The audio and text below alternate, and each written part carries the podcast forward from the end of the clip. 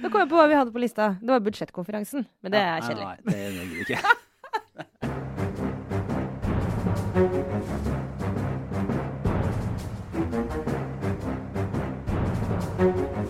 Ny uke, ny Aftenpodden, og for en dag!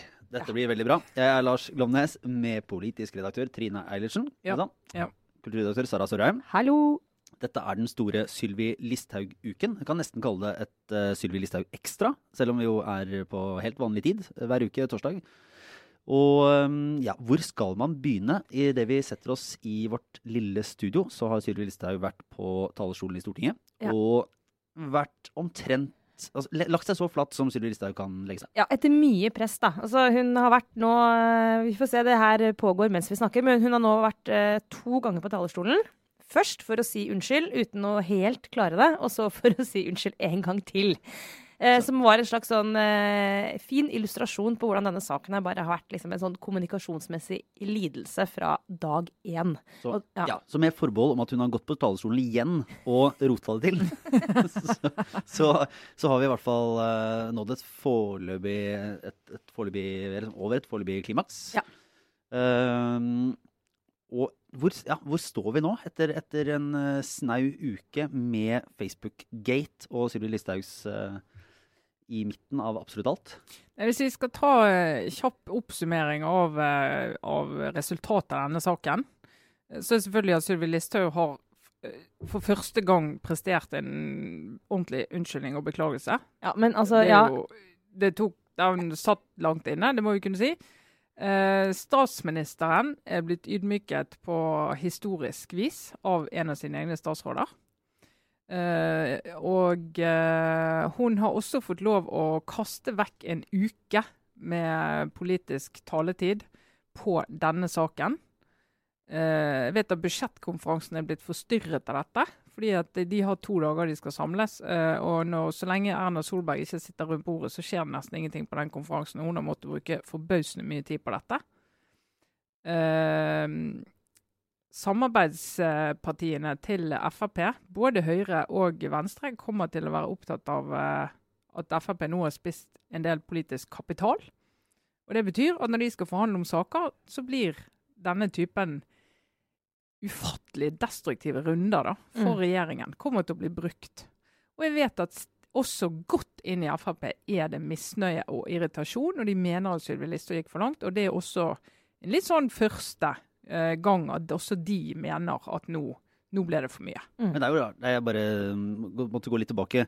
Eh, Tross alt, Det er jo ikke mer enn omtrent nøyaktig syv måneder siden Sylvi Listhaug måtte og beklager, ikke, ikke fra talerstolen på Stortinget, men var ute etter denne anklagen om at KrF hadde drevet og sleiket imamer opp etter ryggen. Mhm.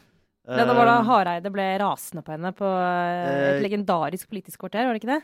Ja, Var det den nei, nei, det var faktisk det var to, uh, to runder. For den en forrige som også ble veldig høy temperatur av, var da, var da Per Sandberg anklaget KrF og andre partier for å ha bidratt til eh, IS-massakrer. Det var der, ja. Det var den der. Ja. det, Så det- det begynte der. Så, på en så måte, hvem skulle trodd at det kunne være kontroversielt da Sylvi Listhaug la ut denne Facebook-meldingen på fredag? Mm. Altså det, det er jo en, en historie her om eh, Noen ganger så forstår man faktisk hvorfor man trenger sånne PR-byråer. Sånne krisekommunikasjonseksperter. For vi i pressen vi liker jo egentlig å latterliggjøre hele den bransjen. Og er sånn herregud, hvor vanskelig kan det være, liksom? Og, men det rådet de som oftest gir eh, når noe har skåret seg, det er jo å gå ut og legge deg flat. Og det tar de gjerne 50 000 for å, for å si. Men, det, men jeg begynner jo å forstå at det, for enkelte er det faktisk så vanskelig at de kanskje trenger noen til å bare liksom prente det inn i hodet. For dette er en sånn, helt sånn klassisk sak hvor eh, noen gjorde en feil. Alle er vel enige om at den Facebook-posten var eh, uklok. Eh, og så eh, klarer man bare å gjøre det verre og verre og verre gjennom at man skaper sånne følgefeil, fordi håndteringen i etterkant er helt så ufattelig klønete. Eh, og det her er jo eh, Kjetil Raknes, tidligere SV-rådgiver, og nå er han vel da lærer i kommunikasjon. Fri- Eh, Friend of the pod. Friend of the pod. Han hadde en veldig vittig Facebook-oppdatering i går, hvor han bare gikk gjennom eh, det kommunikasjonsmessige i denne saken. Hvordan den følger bare sånn klassiske fem punkter. Eh, sånn fem faser du må gjennom før du klarer å si unnskyld. Eller strengt tatt, det var vel ikke, det var vel ikke nødvendigvis fem faser du må gjennom heller. Det, det var vel Ja. det var fem scenarioer da, når du har en veldig vanskelig situasjon politisk. Så kan du, du kan enten altså kan starte med at du kan prøve å bortforklare den, eller du kan skylde på noen andre, eller du kan eh, ta litt ansvar og så spre det utover, og, og litt forskjellige andre sånne teorier. Uh, men det siste punkt fem, da Det heter rett eh, og slett 'ta ansvar og be om unnskyldning'. Ja. Ja. Og uh, jeg tror uh, tidligere i uken så, så gikk jo da Raknes på Facebook gjennom hvordan man eh, fra Erna Solberg og, og regjeringen hadde gått gjennom de forskjellige fasene og utfordringen når man har startet på et sånt løp eh, der man egentlig bare skulle gått til punkt fem med en gang. Ja, og det, men- Legg deg flat, liksom. Ja. Hvor vanskelig er det? Og det er det som er, altså Starten av denne saken, det Sylvi Listhaug la ut på Facebook forrige fredag, eh, det var jo det at eh, i forbindelse med denne saken om hvordan hva skal mekanikken være når du skal frata en fremmedkriger statsborgerskapet? Hvis du har bestemt deg for det. Skal du innom domstol, eller skal du kunne ta et sånt forvaltningsvedtak på det? Det gjelder ufattelig få mennesker. Ja, for bare til å si det. sånn, Hvor mange fremmedkrigere er det Altså, som går det- rundt det i er så gatene få her? at det, det er nesten Det, Det er to, liksom? sånn. TV 2 uh, gikk gjennom og så på, for du må ha dobbelt statsborgerskap før dette skal gjelde. Ja. For du kan ikke la noen sitte igjen helt uten statsborgerskap. Uh, og det tror de hadde anslått at det var mellom fem og ti personer. Ja. Ja, Ja, nettopp. Så, så, så det er liksom det som er saken. En veldig veldig marginal sak uh, i seg.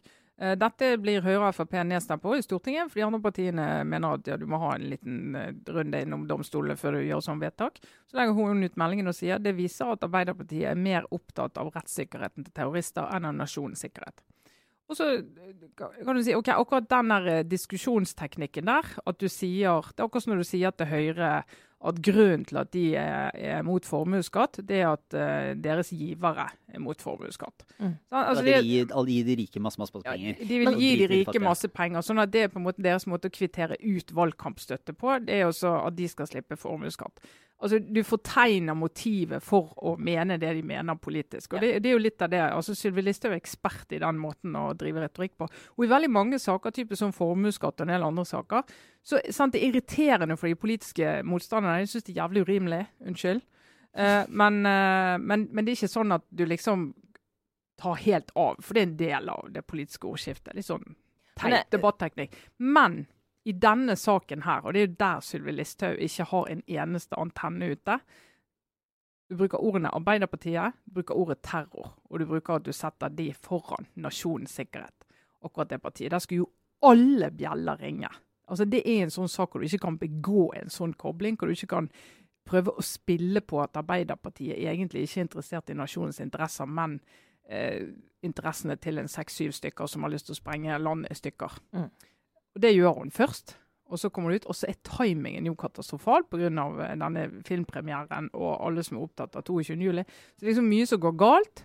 Og så, inn fra høyre, kommer det som eh, ofte ses som en av uh, Norges uh, sindigste og Ja, og mest anstendige. Anstendig, Ja, ja, kanskje til og med også Nå mener jeg i positiv forstand direkte kjedelig eh, som politikertype. Jan Tore Sanner, Ja. hva i all verden eh, Hva skjedde der? Hva skjedde der? Han ble jo da, fordi Støre reagerte jo Umiddelbart. umiddelbart på, på posten fra Listhaug og gikk ut. Og, men Jan Tore Sanner kom jo da med, med et eh, uttrykk i- et VG-intervju som eh, han sa altså, at, at eh, man må kunne diskutere terrorbekjempelse, nå siterer jeg litt sånn løst, uten at Arbeiderpartiet skal trekke jeg husker ikke Dra 22. juli-kortet. Ja.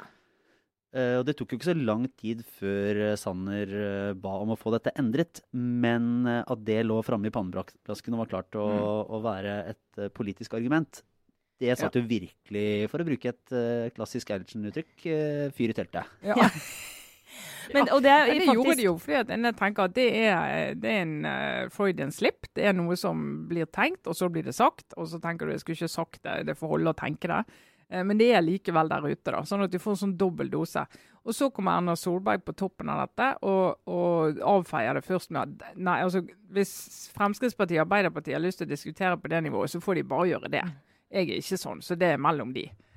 Og dette var liksom hele første døgnet. Og, Og- da, da er saken blåst opp til sånne dimensjoner at eneste som kunne redde han, det var jo at de avlyste han samme dag. Og det klarte de ikke å gjøre. Ja, For det her da, Hvis man skal bruke den rakneske hva skal jeg si for noe, raknesmetoden, Raknes-metoden, så da drev jo Erna og virra rundt i liksom mellom punkt 1 og 2, som er sånn ansvarsfraskrivelse, eller da eh, redusere betydningen. Hun var litt sånn Dette er bare en liten sånn Dette er en litt dum måte å diskutere politikk på. Eh, og og eh, dette har jo til tider vært en av hennes eh, egenskaper som har blitt trukket frem som positiv. At hun som leder av denne regjeringen er i stand til å heve seg over en del eh, detaljer, heve seg over en del konflikter, være en samlende figur på toppen, som er litt sånn Jeg tror Mathias Fischer i i BT beskrev det som at hun på en måte, hun, hun utstråler sånn når hun titter opp fra noen viktige sakspapirer og sier litt sånn du, unger, nå må dere være stille. Og så går du tilbake igjen å styre landet, liksom.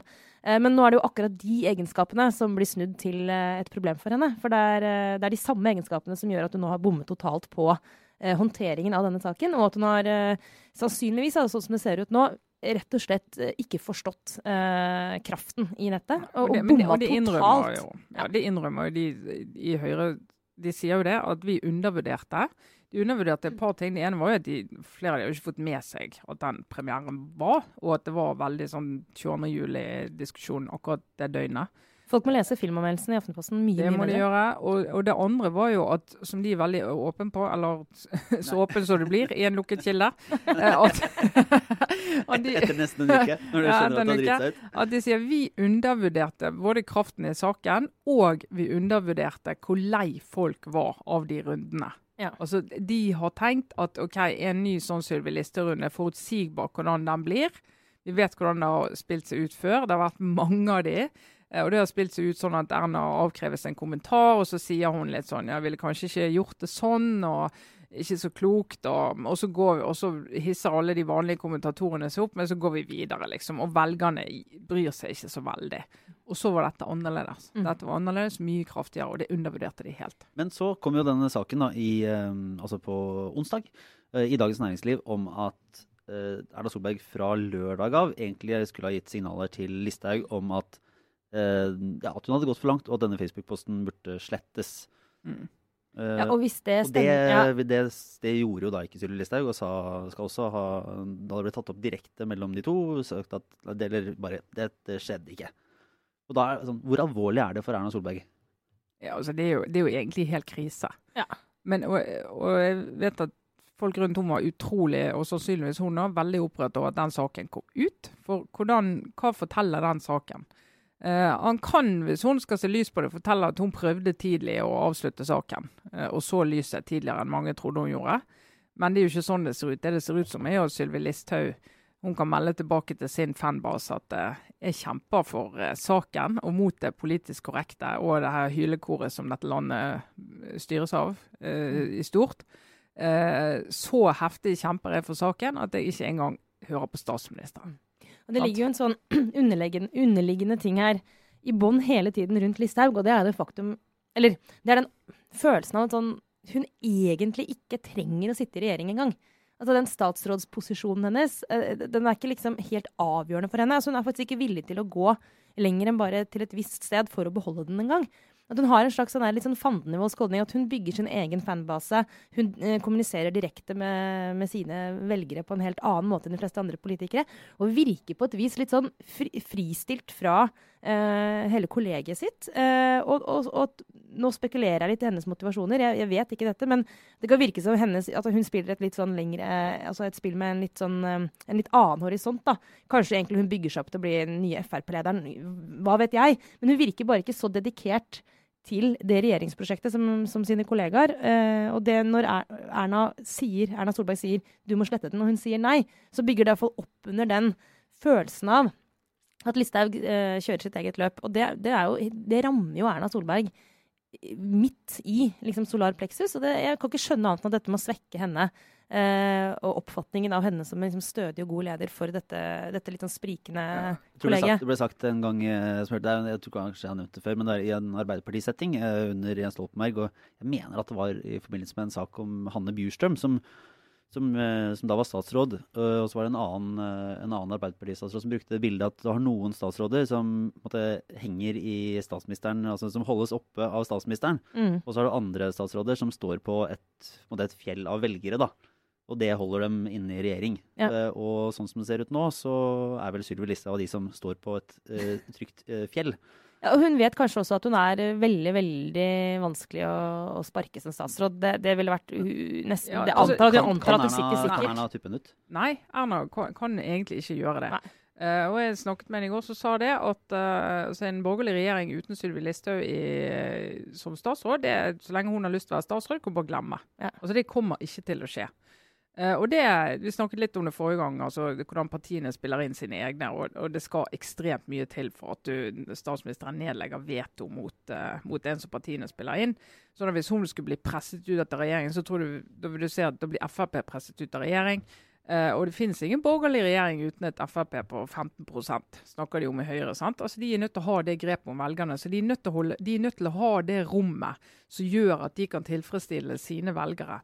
Men nå er det folk i Frp òg som syns at dette gikk for langt. Både mm. fordi de helt saklig sett uh, ser uh, det ufølsomme med tanke på 22.07.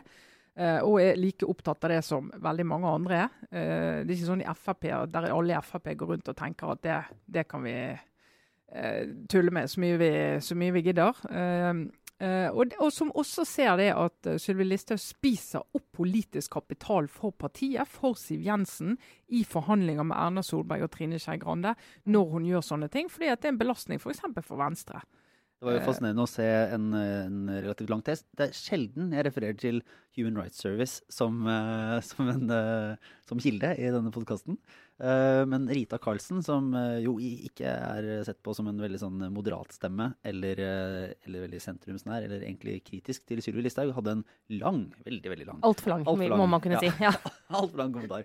Men det var noe, i hvert fall det viktige var egentlig at poenget hennes var nettopp det at, at, at hun var kritisk til dette fra Sylvi Listhaug fordi fordi Sylvi Listhaug eh, var hardere i retorikken enn i den reelle politikken. Og hvis mm. retorikken ble for hard, og hvis det ble for mange sånne eh, kontroverser, så spiste man nettopp av den kapitalen som gjør at, at man kan få dytta innvandringspolitikken i en mer restriktiv retning. da. Mm. Uh, og ja, det er vel ikke sånn at Sylvi Listhaug, hvis Sylvi Listhaug begynner å miste støtten fra Human Rights Service og en del av de stemmene, ja. Så da er det jo en del av hennes grunnfjell. Da, som hvis det virkelig får, for det er jo flere som har sagt det, at hun styrer jo på en eh, innvandringspolitikk som det er brei bre, bre enighet om i Stortinget. Men hun snakker som om hun ikke gjør det. Mm. Og Det kan du holde på med en stund, men så blir det plutselig sånn Men hva er, hva er, hva er det egentlig du holder på med? Det du gjør, det er at du har en del forslag som er kontroversielle fordi du kommer med dem. Mm. Og så gjør at du ikke kan få andre med deg på dem. Mens hadde du jobbet klokere politisk, så kunne du oppnådd mer politisk også. Men hvis poenget er bare å markere det du gjør, men ikke faktisk gjøre det, så, så er det jo annerledes. Så, så, hennes måte å være politiker på, det holder en stund, men det holder ikke år etter år etter år. Men det er jo fortsatt altså, jeg, Det alt du sier gir jo mening. Eh, jeg håper også at det er sant. At den dobbeltkommunikasjonen ikke egentlig er noe, ikke er varig, da. Men jeg er jo spent på nå om hun Altså jeg opplever at Sylvi Listhaug liksom tapte litt ansikt eh, for Stortinget i dag. Og det særlig den retretten måtte opp igjen og understreke at hun hadde gitt en, en ordentlig unnskyldning. For den første, den er den klassiske uh, forbeholden unnskyldningen, altså det som Valla vel uh, må leve med å, å, ha gitt navn til, altså en, klassisk Valla-unnskyldning, hvor du sier 'jeg ble lei meg hvis du ble lei deg'. Eller eh, 'hvis du ble såret over noe jeg sa, så er jeg lei for det'. Hvor man, hvor man legger et sånt forbehold hvor man egentlig ikke sier 'jeg gjorde noe gærent', sier egentlig bare sånn 'du er et persilleblad'. Og den første, første til, til Listhaug i dag var, var, i den kategorien. jeg er lei meg hvis noen har blitt såret av dette, omtrent, på husken. Og, og, det er jo helt riktig, det er ikke en ordentlig unnskyldning. Jan Tore Sanner var helt uforbeholden i sin unnskyldning. Jeg beklager. Det er ferdig. Da, men, men, det der var jo litt sånn personlighetsgreier. For det er klart, dette hadde, Vi hadde ikke sittet her og snakket om dette i mer enn to minutter i dag hvis hun hadde gått ut på lørdag og sagt vet du, det innlegget det ble feilformulert. Timingen var helt katastrofe. Jeg ser at det kan oppfattes ufølsomt. Det var ikke meningen mm. min å gjøre det. Jeg skulle aldri skrevet dette innlegget og brukt det bildet og koblet Arbeiderpartiet på den måten. Sorry. Ja. Kjempetabbe. Og så hadde hun fått masse bank i et døgn eller to, så vi er ferdig med det. Og Erna Solberg har ikke trengt å være inne i det engang. Men hun klarer ikke å si unnskyld. Og det er jo en litt sånn Jeg, jeg mener jo altså som leder, på det nivået hun er leder, det at du ikke greier å si unnskyld, mm. det er et stort problem. Veldig, veldig Det er svak lederegenskap. Det er faktisk en veldig destruktiv lederegenskap. Mm. Og, når du, og, når du, har en sånn nesten sånn mangel på impulsstyring, som hun og Espen Teigen har på de sakene der, så må du evne å si unnskyld. Tror, tror, du at Listhaug og, og Espen Teigen sitter og er litt sånn Ja ja, da fikk vi løfta dette. Det her var en kontrovers vi lever godt med, eller tror du det gjør vondt? Jeg tror de har fått reaksjoner fra folk de ikke pleier å få reaksjoner fra, som er negative, og som gjør at de har fått seg en støkk. Og så er det jo det at eh, når Espen Teigen og Sylvi Listhaug Jeg vet ikke hvor mye de snakket om det, men de var jo enige om at dette skulle skje. Så hadde de jo bare tenkt å, bare tenkt å brenne ned utedassen. De hadde jo ikke tenkt å brenne ned hele gårdsbruket. Så det var jo en litt sånn brann som gikk ut av kontroll. sant? Og liksom, som sto og leker med fyrstikker. og så det, det blir jo faktisk helt skogbrann. Når du plutselig må ringe brannvesenet for liksom dag to. Den kjipe følelsen. Men synes, det er jo fortsatt et åpent spørsmål om det eh, er sånn at hun har fått seg en ordentlig trøkk, da. Eller om dette er det, sånn som det ofte er med henne, at eh, de som i utgangspunktet har problemer med hennes retorikk, er sinte, mens de som liker henne, fortsatt tenker at ja, men Sylvi, vi heier på deg. Det, det, er helt, det er ikke helt lett å se, men det er klart det var ikke noe Det er ikke en bra sak for noen, eh, uansett hvordan du vrir og vender på det i, i, i regjeringen, i hvert fall. Men det er mulig at det der omlandet utenfor Jeg vet ikke. At hun Hvis vi skal, treffer ja, der. vi skal bare uh, egentlig runde av den her nå, men bare helt kort. Er, det, er dette et sånn uh, idyllisk uh, Lille Norge-debatt? Som Nei, er sånn Ok, verden brenner. Her, er det liksom, her drepes folk med gift i, Nei. altså, av Russland i London, og USA sparker utenriksministeren, og vi sitter og diskuterer en Facebook-post. Er det sånn, hvor, Nei, synes, På skalaen, skalaen, hvor ligger denne saken egentlig? Nei, vet du hva? For det, det, jeg synes den saken egentlig her er, det er en alvorlig sak. Jeg, jeg mener helt sånn, Man kan fort havne i liksom litt sånn at man diskuterer et persongalleri, og det er litt som et drama, og eh, det er faktisk nesten litt underholdende. Men Jo da, i er bånn her ja, Det er jo ikke Men prøvde å være litt sånn eh, Men det er underholdende. Men det- er også sånn at for det første så mener jeg at det har vært- så helt utrolig dårlig håndtering av eh, Altså den saken har blitt så dårlig håndtert av vår statsminister at jeg syns det, er helt- det er faktisk helt ille. Eh, og det fortjener hun virkelig mye kritikk for. Det er en ripe i hennes eh, lakk som er alvorlig. Og det er ikke noe bra hvis du har en leder i dette landet som er så dårlig til å lede når det står på. Så det mener jeg er en helt sånn det en, Men det viktigste her er jo at eh, den retorikken som Espen Teigen og Sylvi Listhaug står for, er, den mener jeg er skadelig for ikke bare debattklimaet her i Norge, men skaper, ja, det er en farlig retorikk. Det er jeg helt enig i. Eh, sånn at eh, Heldigvis så ble hun korrigert, da, men, men det er jo et problem for oss at vi har en justisminister som uttaler seg på den måten i offentligheten. Altså, altså det, det, det som mange på, på høyresiden eh, er opptatt av, det er at ja, men det er jo mange som diskuterer sånn, og alle mange som må ta seg sammen, var det en som skrev i Aftenposten i dag. Og det der med å mistenkeliggjøre motstanderens motiver, det er ganske vanlig. Men det som høyresiden er nødt til å ta inn over seg, da, det er at det er mange partier i Norge som blir mislikt. Som ingen vil stemme på, så de forakter, så de syns er irriterende. Men det er ingen partier som hates så mye som Arbeiderpartiet. Altså Det hatet mot Arbeiderpartiet som finnes i en del segmenter i Norge, det er helt spesielt. Og det er sånn eh, Du må nesten ja, Arbeiderpartifolk merker det selvfølgelig, og, men, men også vi som jobber i pressen, også ser jo på reaksjoner vi får på ting vi skriver. Også den eh, mistenkeligheten overfor Arbeiderpartiet, motivene til partiet, partiets evne til å være opptatt av eh, Norges interesser, eh, og altså konspirasjoner knyttet til det partiet, er i en helt egen liga. Mm. En helt egen liga. Det er ingen som snakker sånn om andre partier. Og det hatet, å røre det hatet, og det var Anders Behring Breivik, sto midt i det hatet. Ja. Og, og, og på en måte gjøre noe som helst som rører i det hatet, og som prøver å snakke om Arbeiderpartiet som et parti som dypest sett er ute etter å ødelegge Norge, det er farlig. Mm. Det er farlig. Og det, det, det, det er sånn Enten så skjønner ikke Sylvi Listhaug at det er det hun gjør, og hvis det er sånn at hun ikke skjønner det, så er hun nødt til å endre på det. Fordi at det er så alvorlig. Det er så alvorlig. Og hvis hun skjønner det, så er det helt ekstremt. Det er katastrofe. Det er jo eh, det er også på, si, innenfor den faktiske politikken, da, ikke personalpolitikken, så uh, har, uh, har Arbeiderpartiet hatt et internt hva kan kalle det, et oppgjør eller en runde om dette eh, ACER, ACER eh, en komplisert EU-tvist som har fyrt opp venstresiden og en haug med kraftkommuner og LO. eh, og- Såpass mye faktisk at Klassekampen har gått, gått hen og lagd e en egen sånn uh, vignett uh, når de har virkelig store saker. Du vet, I avisen lager man noen ganger sånn vignett som følger Panama alle saker. Panama Papers. Sånn, nei til ACER. Byggeskandal, ja. Ja, har fått en egen vignett. Det er tegn på at det her, denne saken blir tatt på alvor. I hvert fall i enkelte kretser. Ja. Og i Klassekampen blir han tatt veldig på alvor. Oh, ja, ja, ja, Det skal de ha. Nasjonen og Klassekampen. Ja. Sara Sørheim, kan ikke du forklare hva dette er for noe? Fuck you! Du, nå, nå, nå, tror, nå får du Jeg tror du får reaksjoner fra en av lytterne våre nå på at du er patronizing Ja. overfor Ja. Sara. Jeg hadde jo forberedt meg på å forklare noe annet i dag, som vi nå ikke fikk tid til. Ja, ja, ja. Nemlig eh, begrepet daddelvedtak. Vi skal innom det bare fordi at du skal få lov å forklare det. Ja, men jeg, nå gidder jeg ikke ikke forklare det, for da kan dere sitte der og lure på hva det er. Nei, men eh, ACER, energipakke 3. Ja. EU. Altså, jeg kan EU faktisk ja, La meg si det sånn. Skal, skal jeg snakke litt Altså, I en ideell verden, i en idyllisk verden uten konflikter, der er det bare fred, og det er ingen fronter, ingen kalde kriger, ingen varme kriger, kriger. Så hadde hele verden Vi hadde samarbeidet uh, ved å ha svære sånn elektrisitetsnett som vi spleiset på. Og så hadde det vært sånn at når sol et sted og veldig kaldt i Norge, så sender de strømmen sin opp til Norge. Når vi har masse vannkraft uh, til over og de trenger strøm i Europa, så sender vi strøm til de. Så det er svært sånn eh, nett. Det er en ideell verden. Så det er utvekslet energi mellom alle land og hele jorden hele tiden.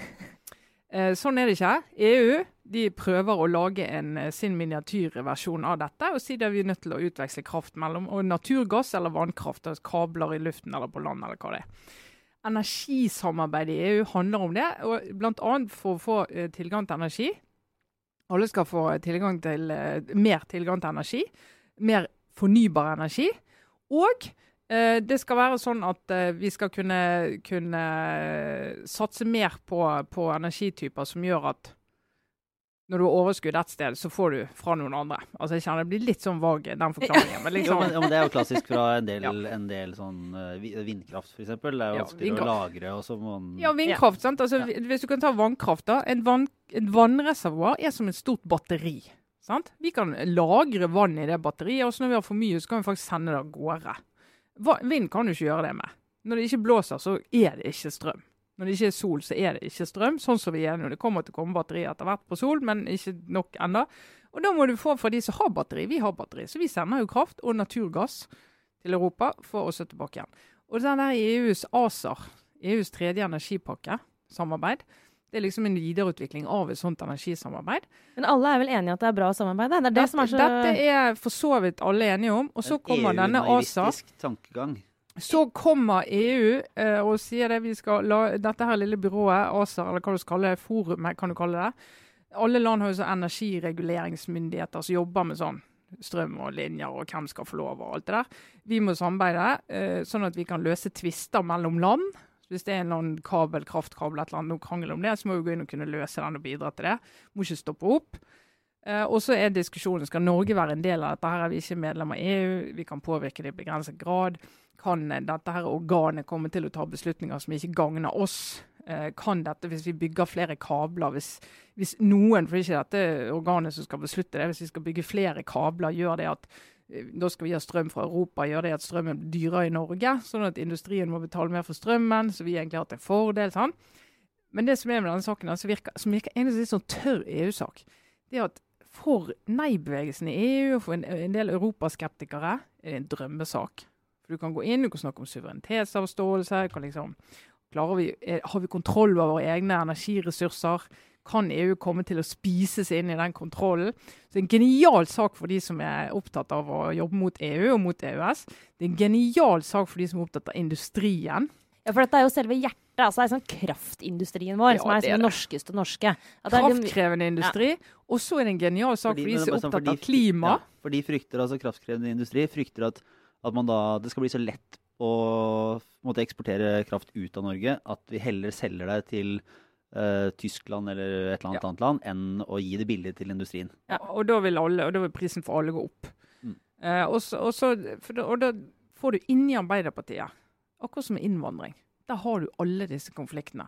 Du har klima mot kraftkrevende industri. For alle som er opptatt, ordentlig opptatt av klima, de sier at dette energisamarbeidet må vi ha. Mm. Fordi at Vi er nødt til å kunne drive med den kraftutvekslingen. Norge må selvfølgelig være en del av det. Det er også solidaritetsspørsmål overfor land som ikke har vannkraft, f.eks. Og dette er den klassiske sånn, hvor det virkelig bare krasjlander inn i Arbeiderpartiet. Og så er det ja. by-land-dimensjonen også.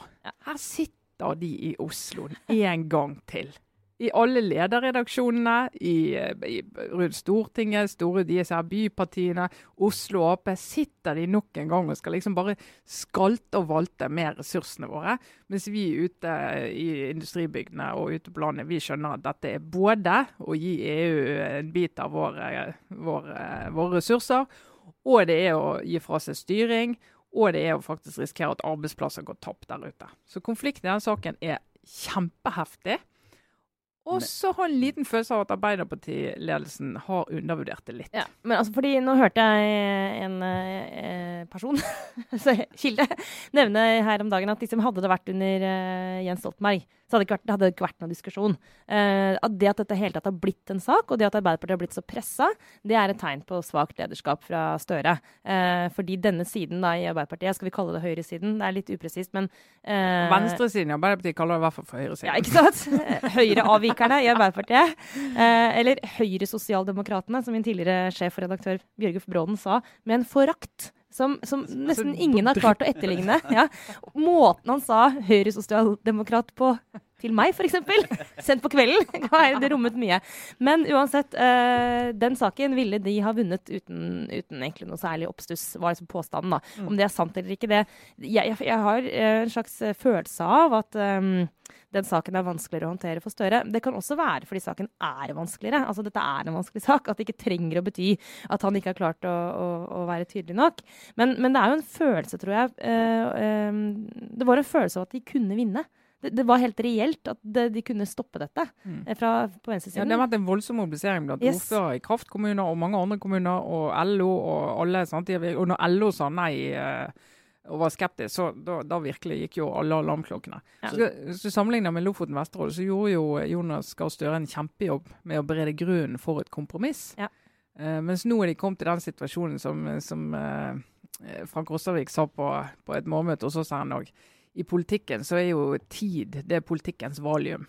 Så da vet du når du gjør vedtak om å utsette, Ja, for så var det for det som du enten med. utsette eller med et forbehold, da vet du at uh, uh, her er det noen som trenger å gå en runde til eller ti. Men landsstyret gikk i hvert fall De gikk jo da inn for et ja. Ja, med, med forbehold. Med forbehold. sant? Og da er det eierskap til, til ressursene de vil sikre seg. Ja, Ja. I den eh, resten av eh, store energiting, så har vi i dag kunnet glede oss over det som noe, altså, det er noe av det mest kontroversielle man kan holde på med i, eh, i Norge. Ja, bortsett fra lokaliseringsdebatter. Bortsett fra, bortsett fra lokaliseringsdebatter og Facebook-innlegg, Ja. Uh, så har altså uh, vår juvel Statoil Ja. skal endre navn til et eller annet med hest. det? Du, altså, Equinor. jeg ble, ble helt sånn paff av den saken. For jeg ble sånn Hallo, vi skifter ikke navn på Dovre. Eh, Dovre heter Dovre, liksom. Skjerp deg. Dovre skal nå hete Star. Bare Dovre skal hete Mest, da. Altså, jeg ble helt sånn Kan vi slutte å lage Statoil. Så min første reaksjon, så, fordi jeg hater også forandring Jeg prøver å være en progressivt anlagt eh, person, eh, egentlig. Helt reaksjonær. Så alt som kommer inn av sånn Nå skal vi endre noe, så tenker jeg nei først at det, det har jeg ikke lyst til. Det syns jeg høres dumt ut. Og så kommer jeg på at jeg er leder, jeg driver med endringsledelse. Og så prøver jeg liksom å tenke sånn nei, nei, kom igjen. Og så, så jeg har landet på nå at jeg syns det er bra at Statoil bytter navn. Ja. Men første reaksjonen min var men men jeg, nei. jeg, jeg våknet i dag, så så jeg det kom en hastemelding sånn på morgenen i dag om det fra diverse redaksjoner. Så tenkte jeg åh, nå vet jeg hvordan den, den dagen blir. Nå skal du inn i Facebook, og der skal alle raljere med det navnet i to, tre, fire timer. Og så skal en eller annen redaksjon finne ut hvor mye det kostet eh, å gjøre den navneendringen. Så skal jeg spørre folk på Stortinget hva syns de måtte koster så mye penger. Ja. Og så skal de svare det var veldig mye penger. Og så skal vi liksom sånn Ja, hva betyr dette? Betyr det noe mer enn bare navneendring og bla, bla, bla? Og så, og så tenkte jeg å gud, gjesp. Så jeg bare tenkte jeg orker ikke forholde meg til den saken. Det, det, det som Så for er- bare ja. å si det sånn, jeg er egentlig ikke interessert i den saken. Jeg syns begrunnelsen er helt grei. De gidder ikke å, å signalisere at de er et rent statseid oljeselskap lenger, fordi ingen av delene. Verken rent oljeselskap eller rent statseid. Du har lyst på et nytt navn. Lykke til. Det aller morsomste er, det er, det er egentlig bare uh... Men det er her problemene begynner, Trine. Jeg vet det! Ja. Men det som er det, det aller Det beste, er er jo en dødsvittig sak om Espen Barth Eide i dag, da. Om dette Ja! Da hadde, hadde han hadde ringt Espen. De ringte Stortinget tidlig på morgenen. Ja, hva syns dere om dette, og burde Stortinget liksom behandle dette? Nei, da sa Espen Barth Eide, energipolitisk talsmann, det her må være opp til selskapet, og vi tar det til etterretning. Og så skriver de, så går det en halvtime, så ringer han opp igjen og sier nei, vi har endret syn. Dette er så viktig sak at det må diskuteres i Stortinget. Oi, se det, ja. Ja. Var det den lille Så- populistiske da- ja, grenen av Arbeiderpartiet? Ja, og da kjente jeg at jeg ble litt interessert i saken likevel. For det syns jeg var veldig vittig og veldig pinlig. Jeg ble Ja. litt sånn rød, rød i kinnene mine. På vegne av det. Espen Barth Eide. Ja, faktisk. Det er alltid veldig fint å bare bytte, endre mening. Vi hadde en, det var en liten tilbake til Listhaug, en, en runde med Frp som fortsatt i går etter beklagelsen fra Erna Solberg hadde ute en, en tekst uh, med han Jon Helgheim, innvandringspolitisk talsmann, som egentlig gikk hardere ut enn det Listhaug gjorde om hva Arbeiderpartiet mente, og hvordan man satte terrorister som har drept folk og sånn, høyere enn høyere enn um, Nasjonens sikkerhet. Uh. Og ringte han uh, først, da, og da sto han støtt på at dette det var, det var ikke noe problemer med den argumentasjonen, og dette kunne bare stå på nettsiden uten noe problem. Og så skulle han ha en liten sitatsjekk, og så gikk det noen minutter, og så var det sånn Ja, nei, jeg var jo ikke helt låst til akkurat hvordan det skulle formuleres.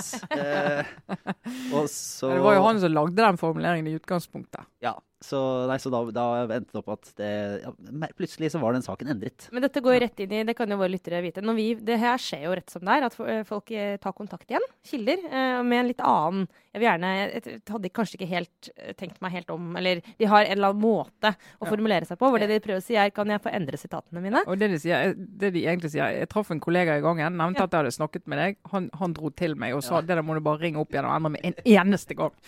Eh, variasjoner av det. Jeg, jeg traff sjefen i gangen, eller jeg traff eh, kommunikasjonsdirektøren i gangen, osv. Og, og da er det alltid en diskusjon internt om vi skal gjøre det eller ikke, da. Men det kan vi jo snakke om en annen gang. Det er sånn klassisk sånn eh, Da må man be en redaktør komme. Men, eh, men eh, fordi- kan jeg få si det med Equises? Ja, men jeg skulle si den, det, ja, du, skulle si det med Equises. som var det første. Et, sånn, et, et tidlig 2000-talls hiphop-band fra Langhus, eller noe sånt. Ja, altså det, var det første jeg tenkte var sånn skal, For jeg også var eh, litt sånn gjørska. Så bare Hæ, skal Statoil skifte navn til Equises? For at det, det hadde jeg glemt. eh, Og det av mange gode grunner. Altså det, det er ikke et band eller en hiphop-kollegium eller hva man omtaler den typen musikk. Jeg, Det er ikke noe jeg trekker fram opp på Spotify. Men det var det jeg forbandt med det navnet. Eh, så hvis du hadde tenkt å gå videre fra Statoil nå før vi Nei, kunne nei, bare jeg skal ha Ja, jeg har en det er fortsatt ting på oh, ja. Statoil. Den beste. har. Fint, fordi jeg har, jeg, har, jeg har tanker om det navnet Ja, som jeg trenger å få ut. Ja, ja, for det, det, den, eh, det jeg syns var mest fascinerende, er E24 har en, eh, en sak, eller en sak på, på gang, i hvert fall. Det er eh, De hadde funnet ut hvem som har hatt dette navnet før, og det var da en dyrlege eller en eller annen sånn hesteterapeut. da. Det, jeg vet ikke helt hvem det var, men det, det, er jo eh, Som har holdt på et eller annet sted. Som da har skrevet på nettsiden sin at de snart skulle endre navn til et eller annet, noe helt annet. Dovre eller noe sånt. Eh, og så, og så, så jeg bare sånn OK, når du sitter og har et, et stille, lite veterinærkontor et eller annet sted i Norge, og så ringer de plutselig fra den kommunikasjonsavdelingen i Statoil og er sånn Du, jeg lurte på Kan vi få kjøpe ditt domene? kjøpe ditt domene og ditt navn? Ja, da, da tror jeg det lå på noen nuller. Ja, eh, da Da, da skal jeg sagt at jeg skal ha en milliard. Ja, ja. Da hadde jeg kjørt den der, den der Austin Powers-aktig. Jeg skal ha 1000 kroner! Men uh, Equestrian, ja, jeg er gammel hestejente, så jeg har tenkt på hest først. Jeg må jeg må innrømme det. Men eh, For Ja, ja. De, uh, I pressemeldingen til Statoil sto det noe om at dette kommer fra Equal, eh, det samme som Equilibrium ja, yes. Som heller ikke ga noe mening for meg. Det er sånn, ja, OK, hvis det, hvis det er det dere tenker på, hva har det med Statoil eller da eh, Equinor å gjøre? Uh, så, så det skjønner jeg ikke. Og dessuten så er det altså Jeg tenker også først, da, etter å ha tenkt på dette eh, glemte hiphop-bandet, så tenkte jeg på Equestrian Girls. Ja. Som er, som er eh, My Little Pony-filmen på Spotify. Nei, nei, unnskyld, på Netflix. Equest, Ja. Og det var derfor jeg skjønte det har med hest å gjøre. Så i det hele tatt, hva um, Altså, jeg anerkjenner behovet for et nytt navn. Jeg tror det er lurt. Jeg, jeg, jeg, det er greit for meg. Men hvorfor, hvorfor et navn som ikke går an å huske, ikke går an å uttale på norsk, og heller, heller ikke egentlig går an å stave riktig? Eh, sånn, liksom, jeg prøvde å stave det i en melding før i dag, og merket sånn Hvordan i all verden skriver man dette? Det bare skjønner jeg ikke. Jeg, det bare, jeg kan bare ikke forstå, av alle muligheter, hvorfor man ikke heller Man kan kalle det for um, Nord Energi, eller et eller annet sånt. Ja. Noe helt enkelt og greit. Nei, det er bare et mysterium for meg. Jeg fatter ikke. Try har jo vært inni dette. De er kommunikasjonseksperter. Kunne ikke de vært sånn Hva med å ikke ta et ord med ku, som vi ikke bruker på norsk? Den bokstaven ku er litt dum å ha liksom, i et norsk ord. ja, det er internasjonalt børsnotert selskap, så de gir jo blaffen i det. Men, Ja, eh, Det er kanskje ja. den brutale sannheten. Trine. Men det er nå også. eh, Vi ruller av gårde med en eh, kjapp, eh, kjapp obligatorisk refleksjon. Ja. Ja. Eh, egentlig. Ja.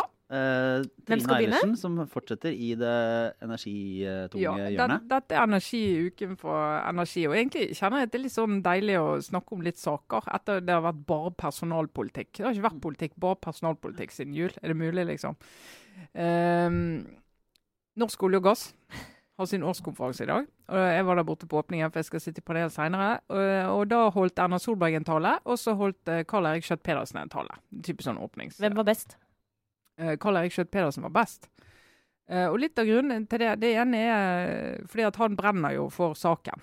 Så han snakker jo engasjert, eh, og han eh, holdt en god tale. Eh, Erna Solberg hun, eh, hun skal snakke med olje og gass på en sånn måte som gjør at hun ja, viser interesse for næringen, men hun skal ikke få kjeft etterpå for at hun ikke er opptatt av klima. Så det blir veldig sånn forbeholdt og veldig sånn ja, Hun går ikke, går ikke all in. Men det som er interessant med de to tallene, det er liksom premissene i de to tallene illustrerer eh, egentlig norsk klimadebatt, eh, olje og gass slash klimadebatt. Fordi at Premisset i Erna Solberg sin tale det er at eh, vi eh, skal holde på med olje og gass fordi verden trenger olje og gass, trenger energi. Så vi må holde på med det helt til verden ikke trenger det lenger. Vi må finne en måte å holde på med det, kutte utslipp og liksom gjøre det renere. Og vi trenger pengene og alt det der. Eh, men det kommer til å ta slutt. Eh, og ikke så lenge. Mens premisset i Karl Erik Skjøtt Pedersen sin tale, eh, som jo selvfølgelig er bransjens utgangspunkt, er det at vi, kan, vi, kan, ikke snakke om at vi skal inn i en altså nedbygging og solnedgang. Vi må gjøre det beste ut av det så, og få det til å vare så lenge som mulig. Men å gjøre det så rent som mulig og miljøvennlig som mulig og kostnadseffektivt som mulig. Eh, så han snakker om en næring som skal vare til det er tomt, egentlig, for olje- og mm. gassressurser. Mens eh, statsministeren snakket om en næring som vi må eh, ta inn over oss kommer til å bli avsluttet fordi ikke folk vil ha det lenger. Altså styrt avvikling, er det egentlig det hun beskriver, da? eller? Ja, altså in, Indirekte på et vis er det det. Og det merker du at det er en sånn, det er en sånn ulikhet i synet på kan vi egentlig tro på, som næringen gjør, at vi kan gjøre så mye med utslipp. Både i produksjonen og på forbrukssiden, altså når du faktisk bruker eh, olje og gass. At dette kan bli en ren energiform en dag. Liksom Eller, som, og hvis eh, det er det, så må du jo kunne argumentere for at da må vi holde på så lenge som mulig. Hvis du tror på det. Hvis du ikke tror på det, så må du snakke med at vi er nødt til å bytte det ut totalt med eh, andre forny altså med fornybare eh, energikilder. Det og det er litt det som gjør debatten at frontene blir så harde. Hvis Hva het sønnen til Don Corleone i Gudfaren 2? Mike? Michael, ja. ja. Som jo da står overfor akkurat der, dette det klassiske gudfaren-dilemmaet. Eh, kan jeg gjøre min fars business legit? Er det mulig? Kan jeg fortsatt være ja. mafiaboss, men snill? Eh, og det, det prøvde han jo. Parallelle rørende, Sara. Der, der syns jeg du traff godt, egentlig. Ja, det syns jeg. Det var hvem som er uh, Jeg syns jeg traff. Jeg ble nesten rørt sjøl. Hvem er eh, Fre Fredo? Hvem er Fredo? Fredo, ja. altså, dette merker jeg vi kan bygge en uh, For hvem er Carl Erik Skjøtt Pedersen i dette spillet? Ja, nei, nei du, du, må ikke gå inn der nå. Da blir jeg helt forvirret. Men, men jeg syns det, er det, For det viser hvis du står i den ene leiren og andre leiren, altså, da kan du ikke helt møtes, da. Nei. For det er litt på hva du tror på. Uh, jeg kan ta en, en øreliten uh, greie. En anbefaling av en uh, podkast som jeg oppdaget nylig, som egentlig er fra i fjor. Den svenske Arboga-kvinnan. Uh, fra en podkast som heter En mørk historia, eller noe sånt. Som jeg fikk anbefalt i helgen, som jeg gikk på ski og hørte på her en dag. fem episoder, veldig god. True crime som er bra. og så kom jeg en lite godt, men ubekreftet rykte av klassisk årgang. Apropos ski så hørte jeg her eh, fra, eh, fra, fra hytte, si, skikilder nær Mylla, der Gro Harlem Brundtland har hytte og har hatt hytte i alle år. Eh, kunne rapportere at i, liksom, i årevis etter EU-avstemningen eh, så gikk hun i løypene og snakka høyt om hvor eh, forkvaklet det var at Norge stemte nei, eh, mens Arne Olav gikk foran litt eh, potensielt lettere oppgitt. hadde kanskje hørt det før. Hadde, hadde kanskje hørt det før. Hvis trærne i Nordmarka kunne lytte eller så, kunne snakke. Så kunne du fortalt mye om EU-kampen i 94. I det hele mye, mange irrganger i uh, norsk politikk ja. kunne vært uh, klarere for oss alle da. Og du da, Sara? Nei, altså Jeg skal ikke trette dere altfor lenge nå, men det er jo én sak. da. Altså Jeg vet at liksom, Sylvi har skjedd, jeg vet at Acer uh, har skjedd, og en del sånne ting. Men det er jo en ting til. Ja. Equinor har skjedd. Men la oss bare ta bare ett minutt nå og bare liksom tenke litt på Langeland Gate. Da kan jeg begynne med å si at i, i den lille delen av Det er jo to av de. Ja, så først må vi skille mellom Det sier noe om hvilken gruppe du tilhører. Hvis du, tenker, hvis du helt tatt forholder deg til Langeland Gates, som er i flertall, tenker du da på eh, metoo-katastrofesaken knytta til professor Nils Rune Langeland, med det påfølgende skandaleintervjuet i VG, hvor han fikk eh, si at jeg, jeg, er Norges eh, første metoo-offer. Ja. Offer, ja. Det er jo en egen sak, som vi har vært innom her. Ja. Som eh, var den opprinnelige Langeland-gate. Så har du da Langeland-gate nummer to. Henrik Langeland-gate. Eh, og den berømmelige eh, boka om Aker. Og den, er, den, saken, Vi har ikke tid til å snakke om hele den saken nå, eh, men som en forfatter jeg snakket med veldig sent lørdag kveld, bare slo fast, det er at jo, dyr, jo mer penger du får eh, for å skrive en bok på oppdrag for noen, jo jævligere unnskyld uttrykket, kommer denne jobben til å bli. Jo, eh, og det er akkurat som Fals, som inngikk en pa eh, pakt med djevelen. Oppdragsskriving er eh, en forfatters eh, liksom, eh, altså, Du selger jo rett og slett sjela di. Fordi Og Henrik Langland fikk fire millioner kroner. Henrik Langland fikk fire millioner kroner for å skrive historien om Aker. Han og, forlaget, liksom- han og forlaget fikk det. Uh, og jeg bare, det er faktisk, for det første er det en sak som, har, som ikke slutter å gi. Altså, det er veldig mange interessante karakterer her. Og Kjell Inge Røkke har jo håndtert denne saken på helt sånn spektakulært vis. Og alt er jo åpent, fordi Aker sin eh, strategi her kommunikasjonsmessig er å bare legge alt ut på internett. Mm. Til vår store glede. Men, eh, men det viser jo også at, og det syns jeg kanskje er en sånn helt sånn seriøst godt poeng i denne saken, er at her har Atle Kigen eh, og andre i Aker-systemet vært inne og vært liksom medredaktører eh, på boka. Og det er nok en av grunnene til at det har gått så fryktelig fryktelig galt med den boka. At den har blitt så dårlig. Eh, så hvis jeg var forlagsredaktør, og jeg tenkte at denne saken viser jo egentlig at det er en grunn til at vi har forlagsredaktører, det er en grunn til at vi har mennesker som er profesjonelle, som jobber med sånne typer manus, eh, og som ikke f.eks. foreslår eh, hva med at vi legger inn en tre-fire sider direkte avskrift av Aker sin årsrapport? Eller hva med at vi henter inn en kjempelang artikkel fra Store norske leksikon om krillfiske, som vi bare putter inn i manus? Eh, eller hvis det er forfatteren i dette tilfellet som faktisk har gjort det selv, at du har en person som sier sånn Ta ut de, ta ut de fem sidene om krillfiske. Eller i hvert fall, ta uh, gåsetegn rundt og si at dette er direkte Ja. avskrift. Og hvis du først må ha det med, så si at du ikke har skrevet det sjøl. Ja. Så dette er jo et eh, spekt det er spektakulær kultursak. Ja, og den, den er bare helt kort innom det, for boken blir jo trukket før helgen etter at uh, Morgenbladets anmelder sa at her var det jo åpenbare tegn til plagiat. Uh, og så åpnet jeg posten i går. Der kom det en pakke fra Tiden forlag. Så tenkte jeg det kan vel ikke være Kan det være? Jo, det var det. Så jeg mener den boken er trukket. Jeg, det er samleobjekt. Jeg skal ha den. Ja. Har du tenkt å lese den? Eh, ja, kanskje jeg skal rett og slett lese den òg, ikke bare ha den. Det første kapitlet er uh, ifølge et samlet anmelderkorps uh, veldig bra. Og så går det galt et eller annet sted rundt utover etter 115 sider. Uh, for det er jo 600 sider dette, og det er det vel nok ikke verdt. Det er vel alle enige om. Ja, det er en tykk bok, kan bekrefte bekrefte. Jepp. Men eh, det, da er det egentlig nok for denne uken. Jeg satser på at eh, denne uken som kommer er minst like spennende. Ja, bring it on. Ja, Jeg har det aldri hatt det så gøy på eh, jobben. Det er bare å holde det gående. Så, men vi takker i hvert fall for oss. Eh, Vi legger ut ting som man bør ha med seg på Facebook-siden vår. Og så kan man gå inn og så, hvis man følger i iTunes, så kan man gå inn og så rate oss og gi oss en stjerne og gjøre sånne ting. For da går vi opp på listen og blir så fornøyd og blir så glad. Og Ja. alt mulig rart. Og bare, bare si, for Vi ser en del som har pleid å høre oss på Soundcloud, som etterlyser hvor vi er blitt av. Så hvis du kjenner noen som sier eh, hvor er de blitt av av Aftenposten, så må du si til dem at vi er på Acast. Ja. Og iTunes, selvfølgelig. Og Ja. Spotify. Og Spotify.